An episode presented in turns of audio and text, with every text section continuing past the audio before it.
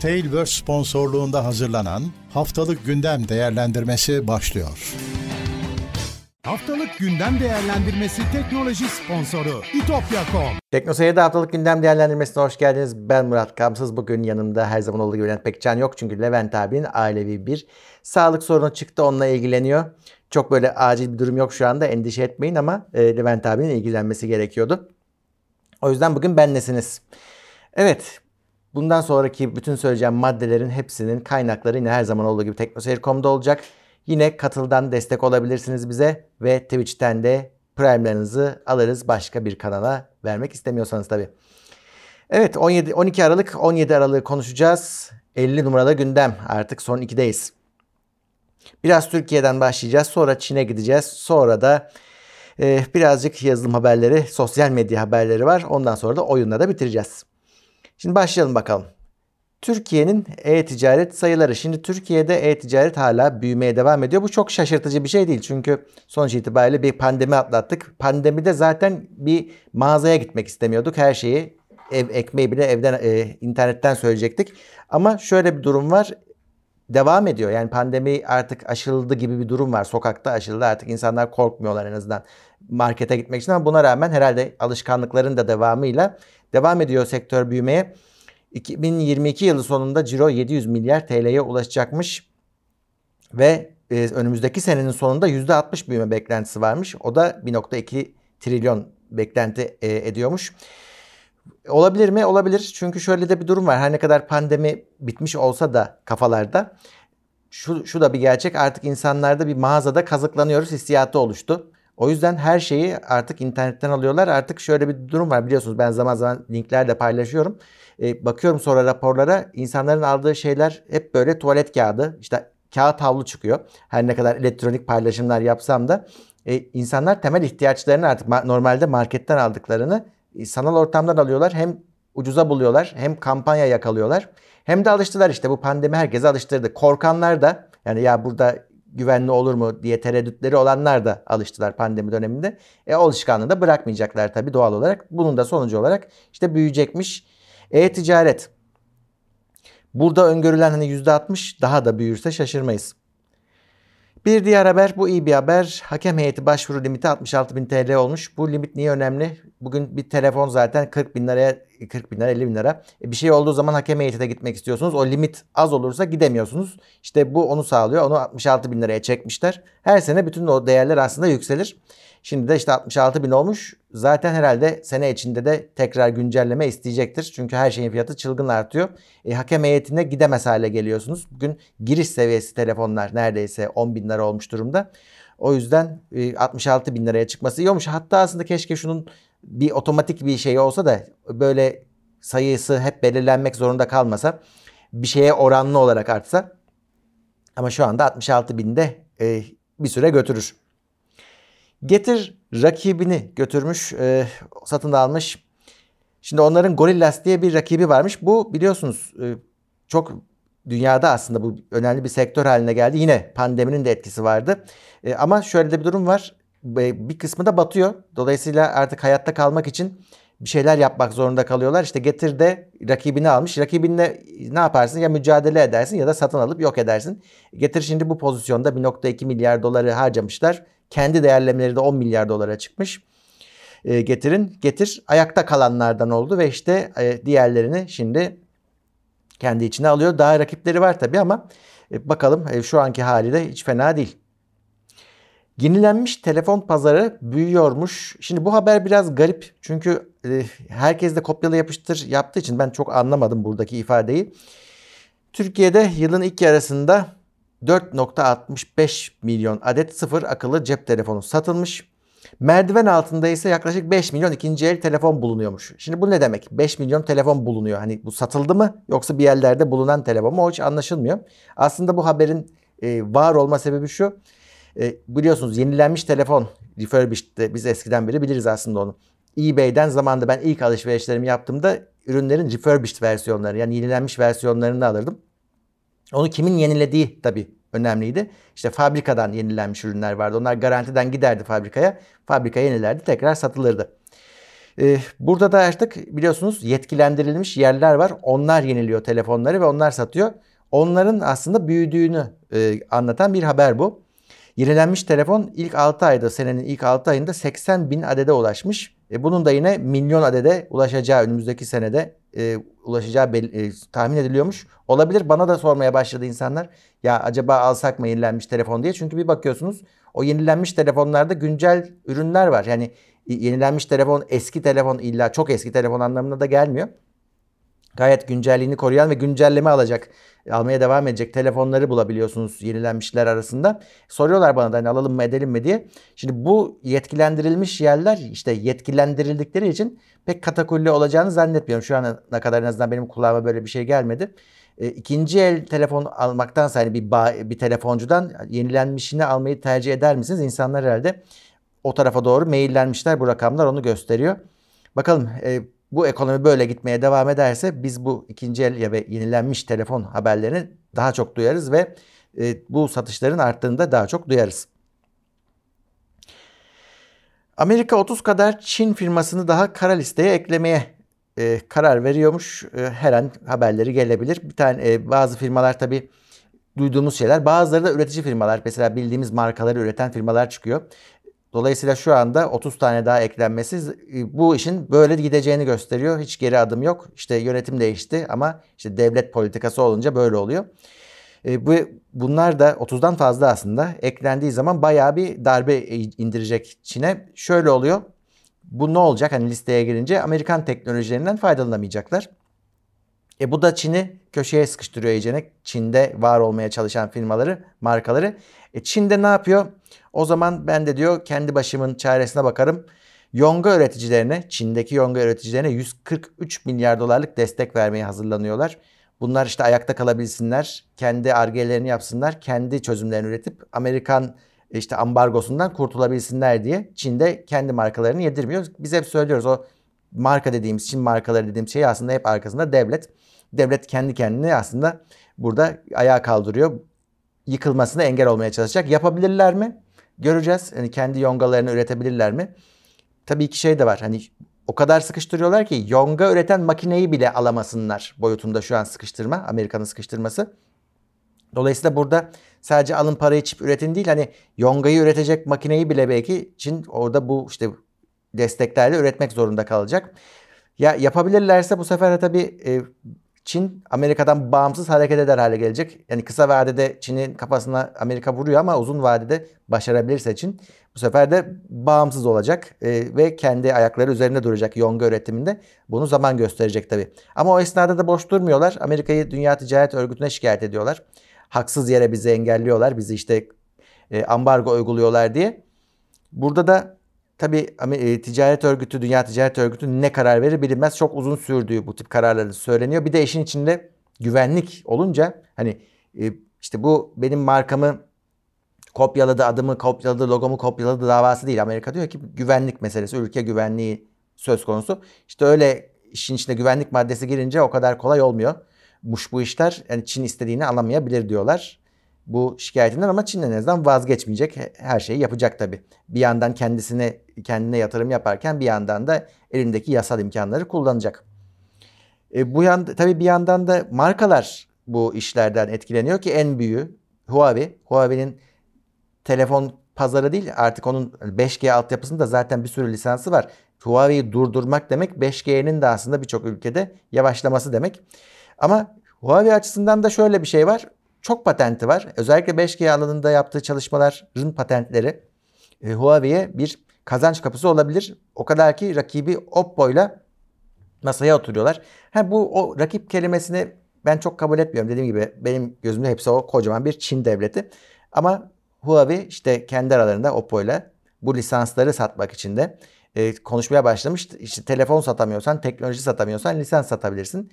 Çünkü her Çin markası da şu anda ambargolu değil.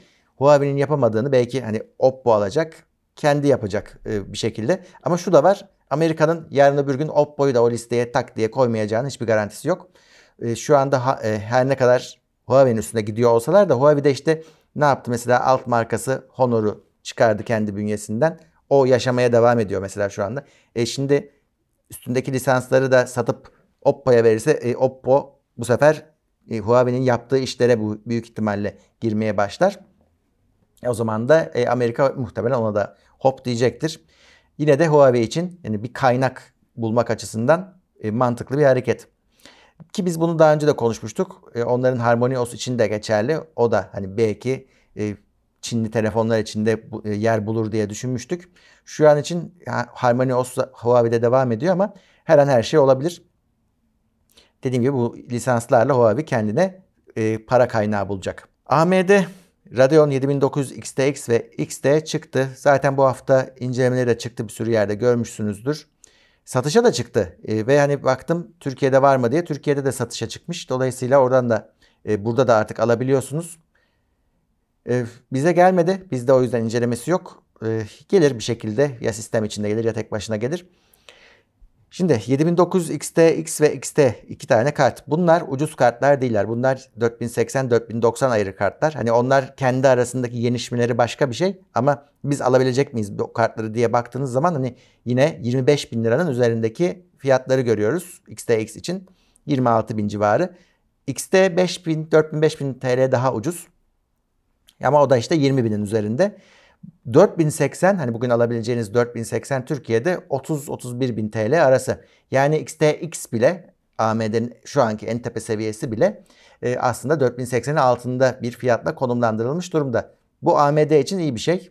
Ama bir yandan da şu var tabii bu kadar parayı verdikten sonra hem de en tepe seviyesinin Nvidia'nın bir altında hani 4090 değil de 4080 ile başa baş mücadelesi çok iyi bir şey mi o ayrı konu. Çünkü şöyle bir durum var. Benchmarklara baktıysanız Ray Tracing söz konusu olmadığında kartlar bayağı iyiler. Hani 4080'i zaten geçebiliyor. XTX ama Ray Tracing'de nesil farkı yine burada da devam ediyor. Onu açtığınız zaman kart 4080 ile mücadele etmeye çalışan bir karta dönüşüyor. E şu var şimdi 2023 senesinde bir kart alıyorsunuz ve yani Ray Tracing'i kapa diyorsunuz. Biz ilk Nvidia Ray Tracing'i masaya koyduğunda demiştik ki çoğu kişi bunu kapatacak. Ama şu anda öyle değil. Artık nesiller değişti. 3000 serisi geldi. Şimdi 4000'deyiz. 4000'lerde zaten artık 4K'da Ray Tracing açabilir hale gelmiş durumdayız.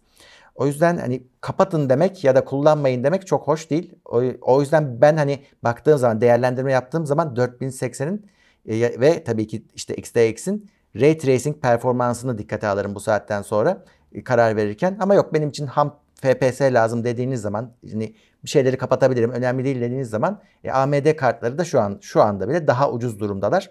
Şu anda bile dememin sebebi Nvidia'dan bir hani 4080'in özellikle yani 4090'ın fiyatını düşürmez de 4080'i düşürerek belki bir karşılık gelebilirdi diye düşünüyorduk ama öyle bir şey yok. Onun karşılığı 4070 Ti olacak görürsünüz.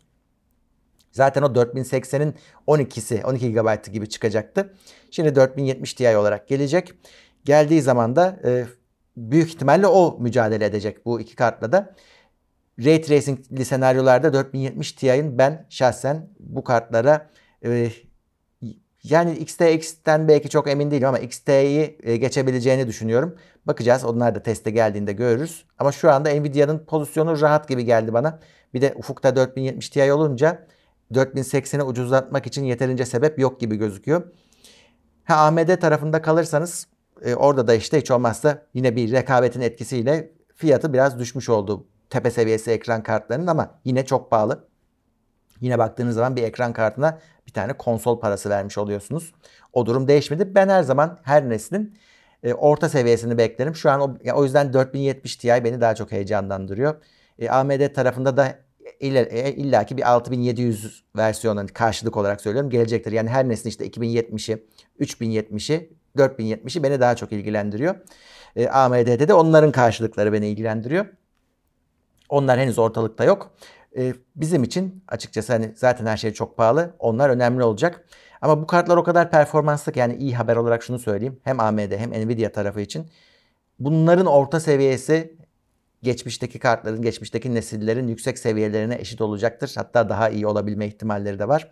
O yüzden bu orta seviye kartları bekleyerek e, artık şu saatten sonra bekleyerek e, mevcut kartları bir pas geçebilirsiniz ya da şöyle yapacaksınız. İşte 3000 serileri hala devam ediyor. E, AMD'nin de mevcut ekran kartları mecburen devam ediyor çünkü sadece en tepe seviyeler geldi. Bunlar onlardan birini alacaksınız. Twitter bir, bir buçuk milyar hesabı silecekmiş ama bunlar aktif olmayan hesaplar. Hiçbir içi aktif olmayan hesaplar. Sırf bot hesap gibi düşünmeyin. Onları da mücadelesi var ama e, bir buçuk milyar hesabı aktif olmayan hesabı silmeyi planlıyorlarmış. Twitter draması devam ediyor bu arada. Hani birçok şeyi de almadım. Daha işte Elon Musk'ın e, jetini takip eden hesabı, hesabı askıya almasından tutun işte gazetecilerin hesaplarının askıya alınmasına kadar bir sürü drama yaşanıyor şu an Twitter'da. Hatta birkaç özellik fonksiyon bozuk. E, Spaces'e falan girilmiyordu. Çözdüler mi bilmiyorum.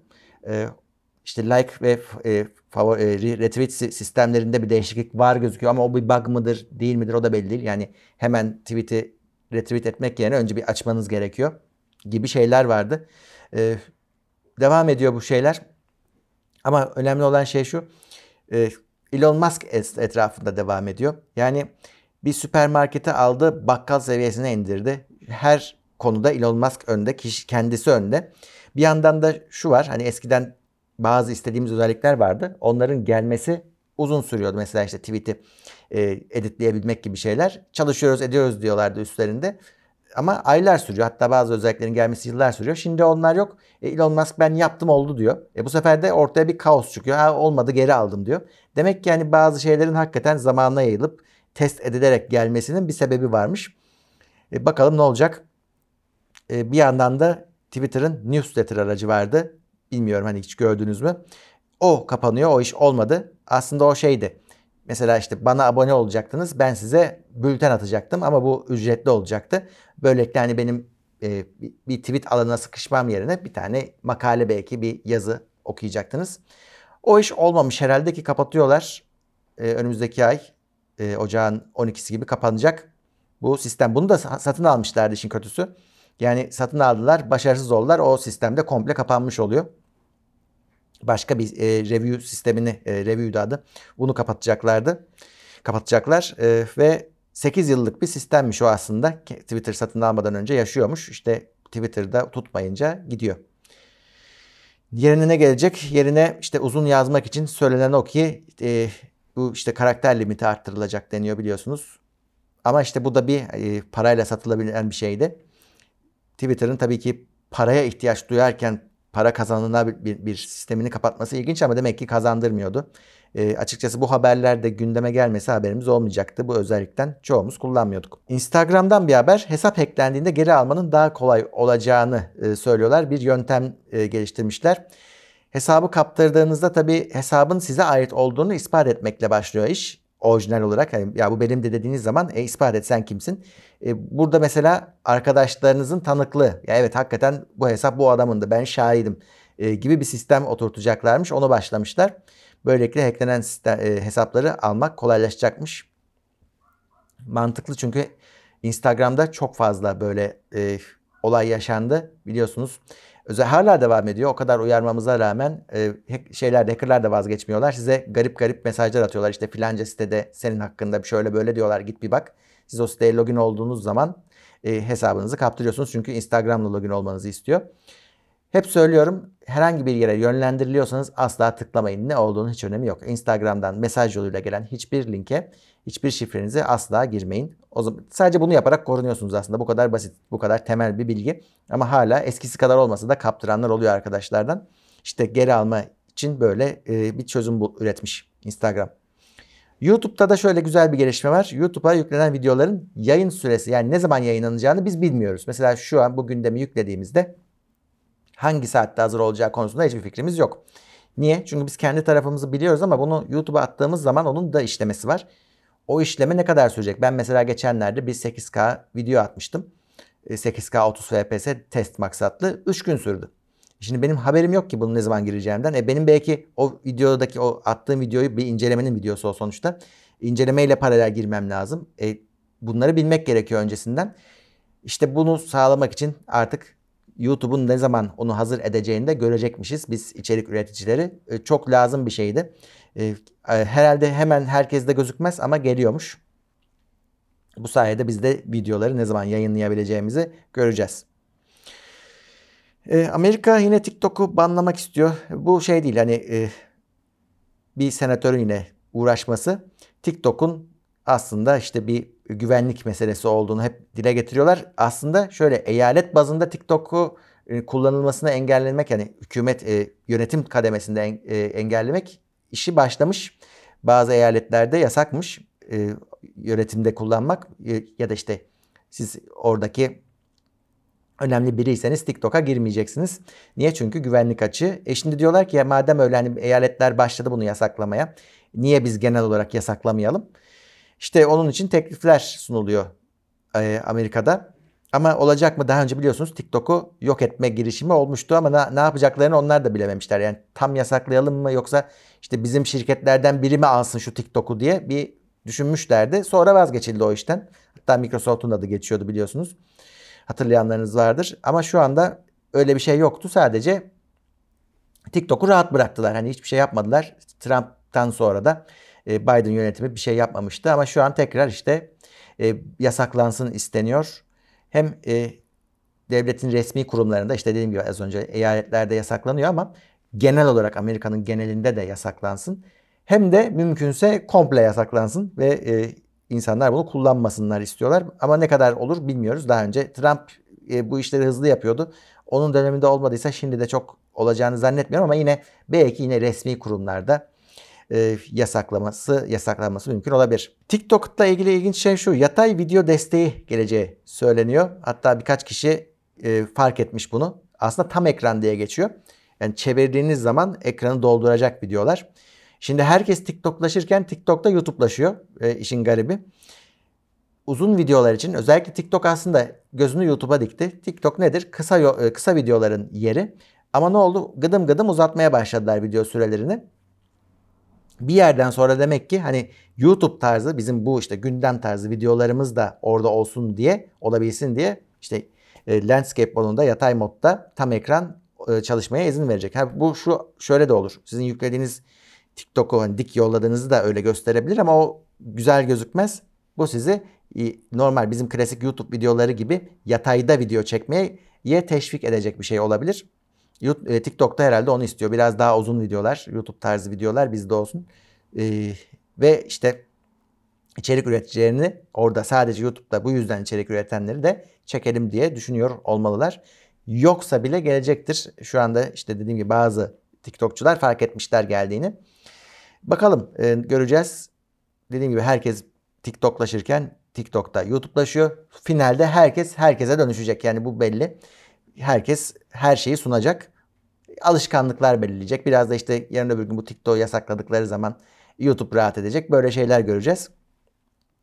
Ama şu anda e, ufak ufak yayılıyormuş bu özellik. Apple'da da şöyle bir gelişme olacak söyleniyor. Diğer mağazalara ve işte e, side loading dediğimiz e, dışarıdan yüklemelere izin verecekmiş. Çünkü şimdi Avrupa Birliği bastırıyor bu mağazaları açın tekel olmayın diye. E, Apple'da sonuçta Avrupa'da ürün satmayacağız diyemeyeceğine göre buna bir şekilde ayak uyduracak. Deniyor ki o şekillerden birine Avrupa Birliği'nde sadece buna izin verecek. İşte Amerika'daki kullanıcılar yine sadece Apple Store'dan alışveriş yapacaklar ama Avrupa'dakiler dışarıdan yükleme yapabilecekler diğer mağazalardan deniyor. Öyle bir şey, ihtimal olabilir. Ya da deniyor ki yine Apple öyle bir kurallar getirecek ki dışarıdan yüklenen e, yüklenmesi istenen uygulamalara ve işte bu pazar yerlerine diyelim çok basit, e, çok sert kurallar gelecek. Güvenlik şablonları gelecek. Bunlara uyarsanız sizi kabul ederiz diyecekler. Çünkü Apple bunu çok büyük bir güvenlik açığı olarak görüyor. Kendilerinin savunması bu şekilde yani paramızı etkileyecek demiyor da işte bu kapıları açarsak işte dışarıdan zararlı uygulamalar içeri girecek. Bunu istemiyorlar. O yüzden işte böyle bir e, engel, güvenlik e, engeli nasıl yaparlar bilmiyoruz. Ama sonuçta engelleyemeyecekler Avrupa Birliği'nde satmak istiyorlarsa telefonlarını. E, bir şekilde bu e, değişikliği Apple ayak uyduracak. Ama tabii herhalde sadece Avrupa Birliği'nde olup da Amerika'da olmazsa da Amerikalılar isyan ederler diye düşünüyorum. E, bir kere bu barajlar açıldı mı gerisi gelir. Ben zannetmiyorum e, önünde durulabileceğini. Artık bu tekerlik durumları kalkacak. Yeni yöntemler bulacaklar. Hiçbir zaman bu firmalar kaybetmez. Kaza her zaman kazanır. Minecraft'ta hedef falan bir DDoS saldırısı gerçekleşmiş. Minecraft'ın belirli bir sürümünü ama e, etkiliyormuş. Hem Windows hem Linux botneti kullanılmış bunda. Burada benim e, bu haberi alma sebebim başka. O Windows makineler nasıl saldırmışlar? Nasıl bir bota dönüşmüşler? Aslında önemli olan bu. Windows'un aktivasyon aracı varmış. Tabii ki bu crack gibi düşünmeyin. İşte bir tane şey indiriyorsunuz. Bir araç indiriyorsunuz. O Windows'u lisanslıyor. İşte onun içine gömmüşler bu botun e, istemcisini. Siz Windows aktive ediyorum, bedava kullanıyorum derken aslında virüsü aktive ediyorsunuz aynı anda. Yani program asıl işlevini de yapıyor ama arka planda kendine de sizin sizin e, bilgisayarınıza bir delik açıyor. İşte oradan içeri giriyorlar. Sizin bilgisayarınızda binlerce diğer bilgisayardan biri oluyor. Bot haline geliyor ve işte onlar belli bir e, sayıya ulaştığında ve sizin internet bağlantınız kullanılarak belirli yerlere hücum ettirilebiliyor. Size hiçbir şey etkilemiyorsunuz. Çünkü sizden çok ufak bir e, internet hızınızdan çok ufak bir parçayı koparsa bile yeterli. Çünkü belki de binlerce var, on binlerce bilgisayar var. İşte o büyük bir rakam ediyor.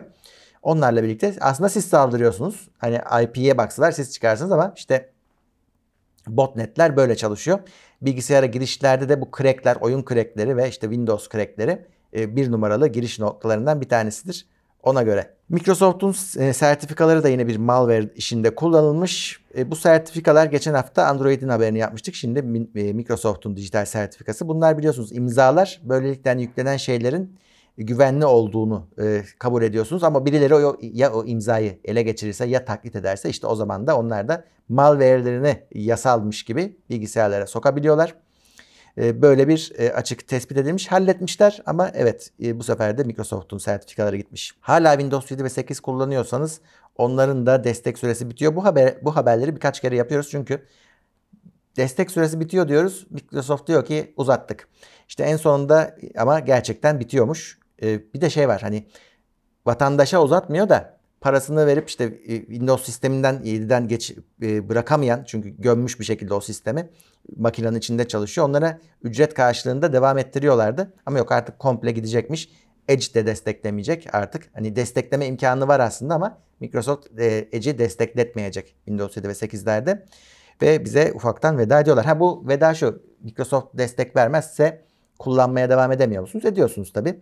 E, ama işte e, açıklara karşı, e, güvenlik açıklarına karşı güvensiz olacak. Her diyebilirsiniz ki ya benim Windows 7'li makinem internete bile çıkmıyor. Çünkü tek bir işi var onu yapıyor. E, bu mantıkta hala bir yerlerde çalışan e, Commodore 64 da var. Yapmıştık haberlerini. Amiga'da var. E, tamam bir işin başındaki bilgisayar çalışıyorsa dokunmuyorsunuz. O ayrı ama ağa bağlı olması, internete bağlı olması böylesi eski sistemlerin bir güvenlik açığı. Sanatçılar bu hafta yapay zekayı protesto etmeye başladılar. E, şöyle e, artık bu, özellikle bu ArtStation'da e, gündeme geldi. Şimdi yapay zeka ile üretilen şeyler de satılmaya başlandı e, bu pazar yerlerinde. Tabi bu da sanatçıları öfkelendirdi çünkü şöyle bir şey var.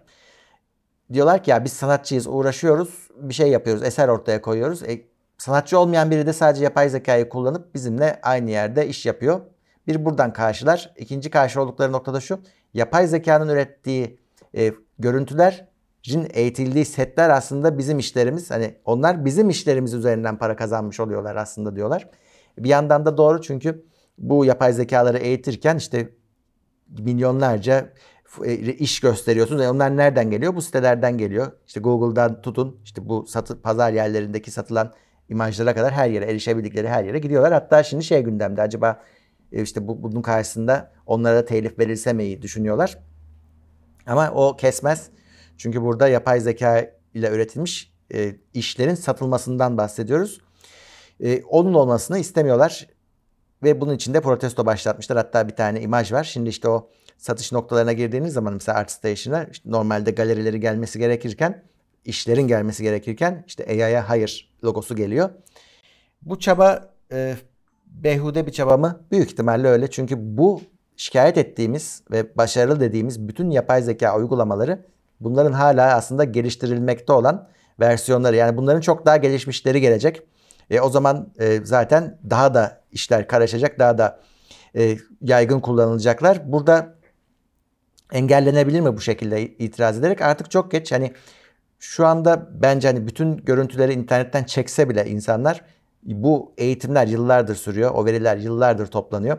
Hatta kendi elinizle veriyorsunuz. İşte diyor ki sizi yaşlandırma uygulaması yaptık. Bakalım 90 yaşında nasıl gözükeceksiniz? Hadi gelin diyor uygulama. Siz de ayıla bayıla gençlik fotoğraflarınızı yükse, yüklüyorsunuz. İşte onların hepsi bunların eğitiminde kullanılıyor. Yani o eğitim konusunu engellemek mümkün değil. Çok geç kalındı zaten. Artık sonuçlara bakılacak. Hani hakikaten bu insanlar işsiz kalırlar mı? Ee, ya da işte nasıl adapte olurlar? Bence adapte olmak buradaki doğru karar e, olabilir. Çünkü sonuç itibariyle o araçlar herkese var. Yani yine bir e, artistik hiçbir deneyimi olmayan, hiçbir eğitimi olmayan birisi evet gerçekten birkaç görüntü oluşturabiliyor ama yine bir artistin yapay zeka ile birleşerek o araçları kullanarak bir şeyler üretebilmesi yine farkını konuşturur diye düşünüyorum ben. E, ve bu direnişin e, hüsranla sonuçlanacağına inanıyorum. Tabii ki bazıları da işsiz kalır. Hani adapte olamaz, elenir. Hepimizin başına geldi. E, bizim zamanımızda da bizde de web'e ayak uyduramayanlar elendi. Dergide kalanlar elenmişti. İşi bıraktılar. İşte dergiler kapandı. Hep olacak. Buna yapacak bir şey yok. Bir kısmı da devam edecek. Adapte olarak devam edecek. Biz de bugün işte sosyal medyaya ayak uydurmaya çalışıyoruz. Hiç bitmeyecek bu. E, o yüzden e, ayakta kalmak isteyenlerin bunu öğrenmesi gerekiyor. Bunlar nasıl bizim iş akışımıza eklenir bunu öğrenmesi gerekiyor. Finalde onlar ayakta kalır. God of War dizi oluyormuş. E, tabii yine hoş karşılanmadı. Çünkü e, özellikle şu Yüzüklerin Efendisi olayından sonra Amazon'un e, Amazon'a çok tepki var. Haklı tepkiler tabii. Şimdi yine Amazon e, işin içinde God of War'u onlar yapacaklarmış. E, tabii burada biraz daha zor. Yani e, hadi Yüzüklerin Efendisi'nde çok fazla karakter var. Değiştirdiniz e, onları e, bir şekilde kendi ajandanıza göre uydurdunuz da Kratos'u nasıl değiştireceksiniz? O, o biraz zor olur. Hani bunu bunda belki biraz daha aslında sadık bir iş görebiliriz. E, oyunun hikayesini yapacaklarmış.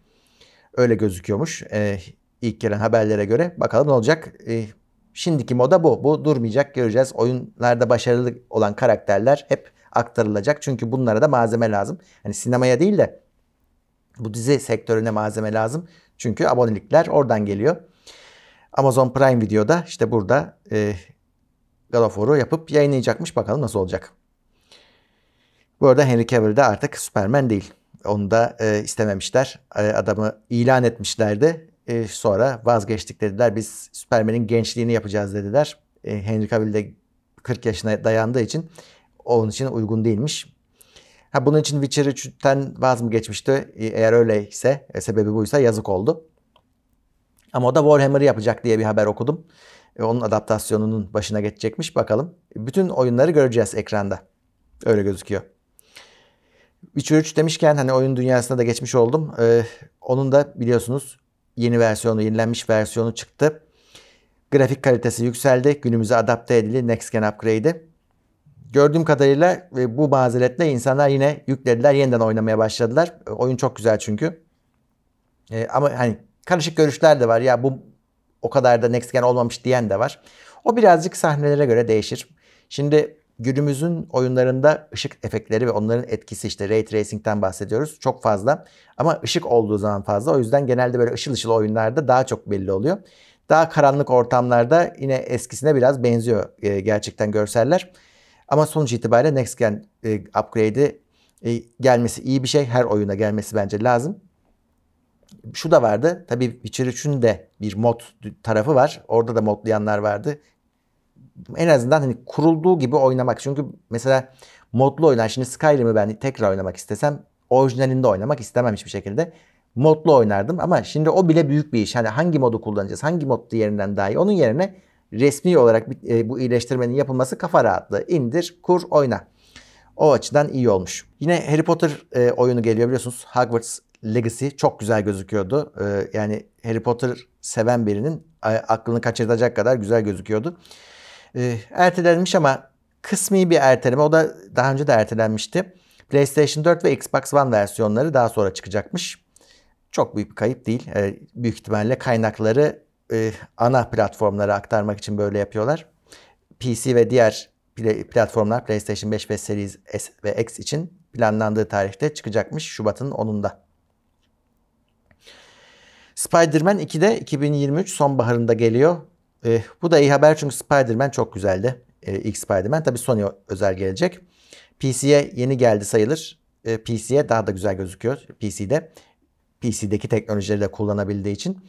Ve tabii yüksek performansla kullanabildiği için herkese tavsiye ederim. Hatta bu aralar indirimi de var onun. Steam'deydi yanılmıyorsam. İlk oyunu mutlaka oynayın. Ben hani Spider-Man'e bayılmıyorum ee, ama ona rağmen ben Batman'i daha çok severim. Ee, oyunu başından sonuna her noktasına, e, her ek görevine kadar bitirmiştim. Çok yağ gibi akıyor. PC'de de çok rahat oynarsınız. Hani orta seviye e, kartlarda bile çok rahat çalışır. E, mutlaka oynayın. İkincisi de herhalde ilkini aratmaz diye umuyoruz. Bir sonraki Tomb Raider'da Amazon'dan gelecekmiş. Amazon'un bir de tabii oyun tarafı var. Oraya da ara sıra uğrayın. Hani zaten işte 7-8 liraya abonesiniz unutuyor insan. Onu pek iyi yapamadılar. Yani ben her ay Prime abonesi olduğum için nelere sahibim, hangi imkanlara sahibim bunu unutuyorum. E, burada bir de Amazon Prime Gaming var. O da size bedava oyun veriyor. E, her ay. E, orada da güzel oyunlar denk gelebiliyor. Ama şimdi burada da oyun e, yapımcısı e, Crystal Dynamics'le bir e, işbirliğine gitmişler. Bir sonraki Tomb Raider'ı Amazon e, yayacak, e, dağıtacak. Bu şu anlama gelmiyor tabii. Yani Prime Gaming'de hemen çat diye alıp indirip oynayacağız e, ücretsiz şekilde o anlama gelmiyor ama Amazon artık hani sorumluluğunu almış. En azından lokomotifi olacak belli ki e, para bakımından da destekleyecekler. Bu şey olabilir ama hakikaten gerçekten Amazon Prime Gaming ile alakalı olarak belki bir faydası olabilir bize. Daha belki uygun fiyata alırız. Bilmiyorum. Artık bütün umudumuz bu zaten. Game Pass, işte PlayStation sistemleri e, bunlar bize ucuz versinler diye. Çünkü oyunlar işte geçen e, Star Wars oyunları vesaire gelecek yeni. E, bakıyorsunuz bin küsür liralardan başlıyor. E, yeni oyunlar nasıl alınacak? Oyunlar diyorum. Hani tek bir oyun bile zor. E, bir şekilde bize kolaylık sağlanması gerekiyor. İşte belki bu sayede bu işbirlikleri onu, onu sağlar. Epic de bazı oyunların online tarafını kapatmaya karar vermiş. Listesi var linkten bakabilirsiniz. Arasında e, Unreal Tournament 2003-2004 gibi eski isimler de var. Gerçi onlar biraz e, geri döndürülecek gibi gözüküyor ama bu işte bu oyunların online tarafı olan oyunların kaderi bir gün o sunucular kapanacak. Siz sevseniz de hem kullanıcılar bazı oyunları yaşatıyorlar. E, kendileri bir şekilde sunucuları ayakta tutuyorlar ya da sunucu e, kuruyorlar. Ama her oyunda da bunu yapamıyorsunuz. Bazı oyunlarda zaten bunu yapamayacağınız kadar büyük. O yüzden e, yapımcısının desteklemesi gerekiyor ama nereye kadar işte. Biraz da tabii oyuncu sayısının azalmasına e, azalmasıyla da alakalı çok kişi oynamaya devam etse zaten kapatmazsınız. Hatta yeni içerikler çıkartırsınız. Ama bu oyunların tabii artık azaldığını e, söylemek yanlış olmaz. Çok fazla oyun var zaten. Şu anda e, vakit yetmiyor. Sadece online oyunlar bile senaryoyu geçtim. Online oyunlarda modern oyunlar şu anda zaten e, at başı gidiyorlar. Eski oyunları artık emekli etmeleri anlaşılır bir şey. Ama bir şekilde komünitesi olan işte Unreal Tournament gibi komünitesi olan oyunlar yaşamaya devam edecek bir şekilde. Onlar için de o komüniteyi takip etmek gerekiyor tabii. Neredeler, ne yapıyorlar, nasıl toplanıyorlar. Ee, ben geçen de şeyi buldum. Şaşırdım. Bizim Revolt oyunu vardı mesela. Çok severdim ben onu. Araba yarışı ama oyuncak arabalarla. Mesela onlar o yaşatılıyor. Ee, sunucuları da var. Kuruyorsunuz. Multiplayer oynayabiliyorsunuz başkalarıyla. Ama hani resmi olarak değil. Aynı şekilde Sensible Soccer hala bugün turnuvası yapılan daha Amiga zamanından beri gelen bir gelenek. Bunun gibi e, klasik oyunlar bir şekilde hayata tutunuyorlar. Evet bununla beraber bu son maddemdi. E, gündemi bu hafta tek başıma yaptım o yüzden biraz daha hızlı gitmiştir. Bütün bu maddeler yine tabii ki teknoseyir.com'da var. Yorumlarınızı aşağı bekliyoruz. E, desteklerinizi katıl üzerinden e, gösteriyorsunuz zaten. Ek olarak işte teşekkür sistemleri de var. Kullanırsınız, kullanmazsınız size bağlı. Onun dışında tabii Twitch'ten e, yayınlarımız devam ediyor. Orayı Uğur hallediyor. E, arada Umut da yayın açıyor. Dolayısıyla oradan da Amazon Prime'larınızda kullanmıyorsanız e, verebilirsiniz bize destek olabilirsiniz. Tüm destek olanlara topluca teşekkür edeyim. Sonuçta canlı yayın değil, görmüyorum. Ama yayınlarımız tekrar kaldığı yerden devam edecek. Önümüzdeki hafta Levent abiyle ve tabii ki yaptığımız incelemeler e, yine klasik e, oyun gündemi, bilim gündemi derken devam ediyor. Bir değişiklik yok bizde. Bir sonraki bölümde görüşmek üzere. Haftalık gündem değerlendirmesi teknoloji sponsoru itopya.com Tailwork sponsorluğunda hazırlanan haftalık gündem değerlendirmesini dinlediniz.